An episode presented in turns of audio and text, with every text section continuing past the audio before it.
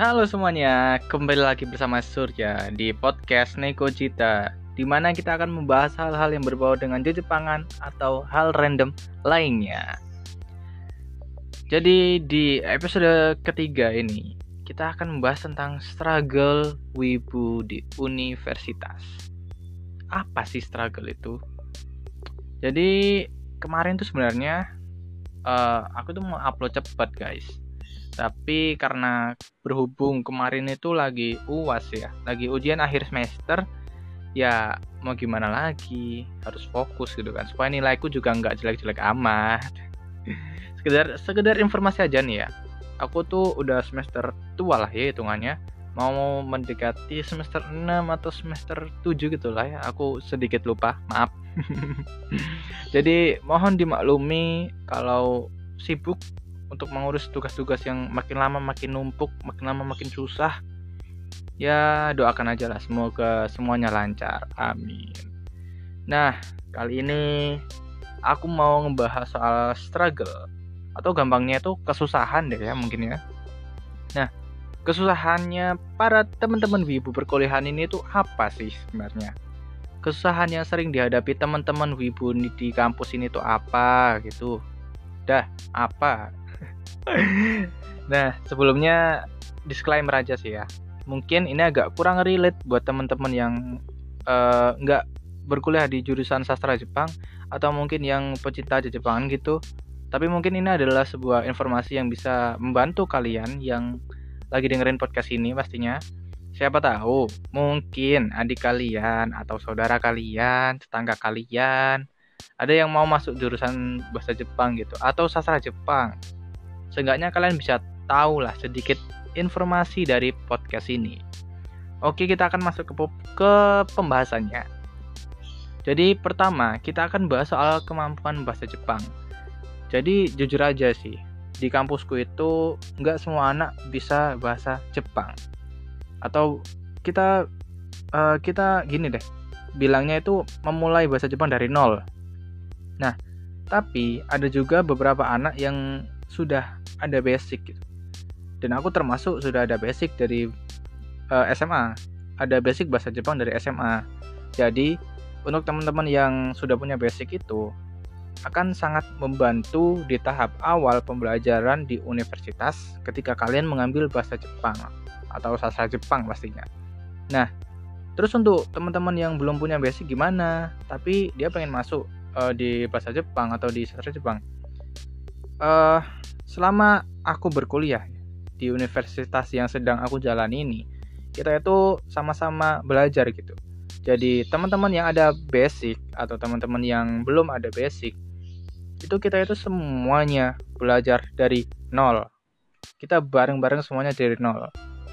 Nah, itu untuk belajar bahasa Jepang dasar yang notabene kita semua itu masih awal semester. Semester 1 atau semester 2 gitulah. Nah, terus nih, semakin naik semester kita, semakin tua semester kita, kita semakin mengalami kesusahan dalam memahami sebuah konteks kalimat dalam bahasa Jepang. Terutama untuk beberapa teman-teman yang tidak ada basic dari SMA atau teman-teman yang uh, susah untuk mencerna uh, apa ya, pembelajaran bahasa Jepang itu. Tapi karena uh, basic itu sangatlah penting ya untuk pemahaman kita sebagai pembelajar bahasa asing. Jadi pemahaman di basic itu sangat diperlukan gitu. Tapi ada juga nih teman-teman yang sama sekali dia tuh nggak ada basic di bahasa Jepang. Tapi dia bisa menyamai itu atau bahkan mengalahkan kita-kita yang sudah ada basic di SMA. Jadi itu menurutku keren banget sih. Jadi itu semua kembali ke masing-masing. Kita mau berusaha lebih atau kita mau ah ya udahlah yang penting kita lulus gitu aja. Kemudian poin kedua adalah cara belajar kita. Ya cara belajar kita. Sebagai orang yang belajar bahasa asing, cara belajar dengan metode menghafal itu adalah salah satu kewajiban, salah satu keharusan yang sebenarnya dalam kenyataannya itu nggak semua bisa dilakukan dengan menghafal. Ini menurutku ya, menurutku. Karena menghafal aja itu nggak cukup men. untuk bisa kita melancarkan dalam berbicara menggunakan bahasa asing ya, atau khususnya bahasa Jepang ya kita ngomongin sastra Jepang dan bahasa Jepang ini soalnya nah ini adalah salah satu kesusahan teman-teman sastra Jepang atau bahasa Jepang yaitu adalah praktek di mana kita sebenarnya itu diwajibkan untuk bisa mengaplikasikan bahasa-bahasa yang sudah kita pelajari atau kosakata-kosakata yang sudah kita terima yang sudah kita mengerti itu kita aplikasikan ke kehidupan sehari-hari. Atau mungkin hanya untuk bersenang-senang tapi kita gunakan sedikit-sedikit bahasa Jepang kita gitu. Supaya apa sih? Supaya kita itu terbiasa gitu dengan bahasa Jepang dan penggunaannya itu bagaimana penempatan itu bagaimana supaya kita itu semua terbiasa dan supaya pastinya supaya kita bisa lancar berbahasa Jepang. Kemudian untuk yang ketiga, problematika yang ketiga, ini itu adalah menurutku suatu problem yang mungkin semua teman-temanku rasakan, yaitu masa depan. Maksudnya gimana masa depan? Jadi gini, ketika pertama kali masuk dan memilih jurusan sastra Jepang, masa depan kita itu pasti awalnya tertuju hanya pada pemandu wisata dan penerjemah. Itu pasti. Semua teman-teman yang pernah aku tanyai pasti mereka kalau nggak mau jadi penerjemah ya jadi tour guide. Jadi apalagi kayak bingung gitu masih apa ya kerja apa ya nanti ya lulus ya gitu. Tapi sebenarnya lulusan dari sastra Jepang sendiri itu bisa bermacam-macam loh guys. Lulusan sastra Jepang atau bahasa Jepang ya maksudnya. Memang eh, kita itu bisa, emang kita bisa jadi pemandu wisata, kita bisa menjadi translator atau mungkin penerjemah ya, nama, eh, nama lainnya ya. Tapi kita juga itu bisa banget, bisa banget bekerja di perusahaan-perusahaan Jepang atau mungkin kita itu malah bisa berangkat ke Jepang gitu. Untuk melanjutkan kuliah kita lagi untuk S1 lagi atau S2 lagi atau mungkin S3 di Jepang gitu kan.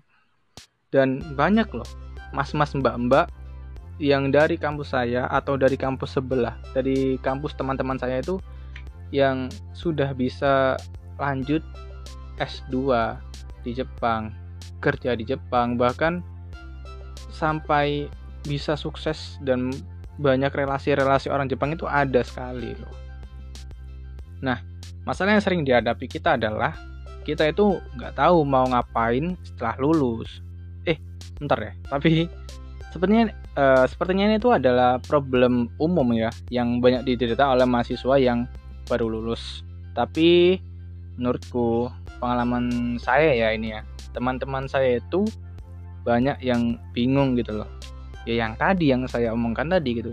Banyak yang uh, setelah lulus aku mau jadi apa aku mau kerja apa jadi nggak jelas gitu loh masa depan uh, di sastra Jepang itu.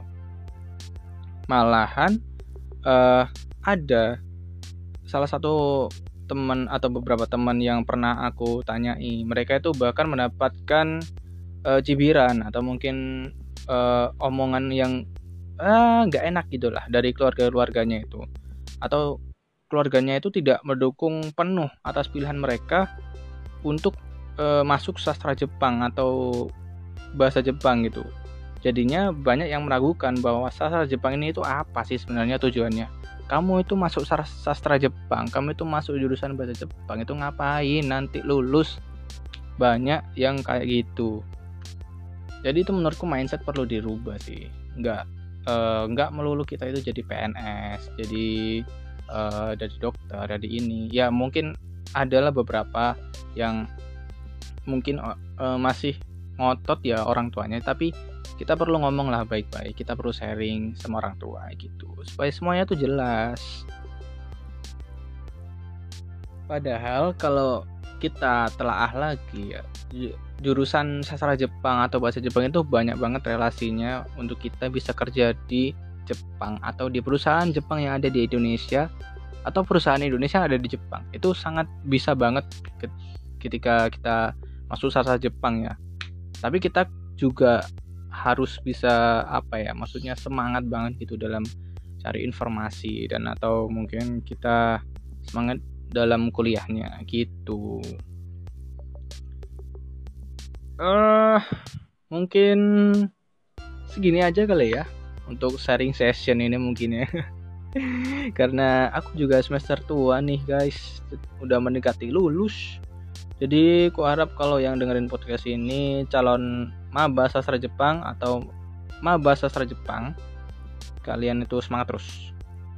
Semangat terus. Kalian masih semester 1 masih semester 2 emang susah awal-awal tapi kalau kalian bisa tekun belajarnya makin ke sini makin ke sini makin ke sini makin mudah untuk kalian memahami. Dan untuk kalian nih ya yang dengerin untuk kalian semua guys yang dengerin yang satu frekuensi sama aku yang udah tua yang semester 6 semester 5 semester 6 semester 7 ayolah semangat semangat.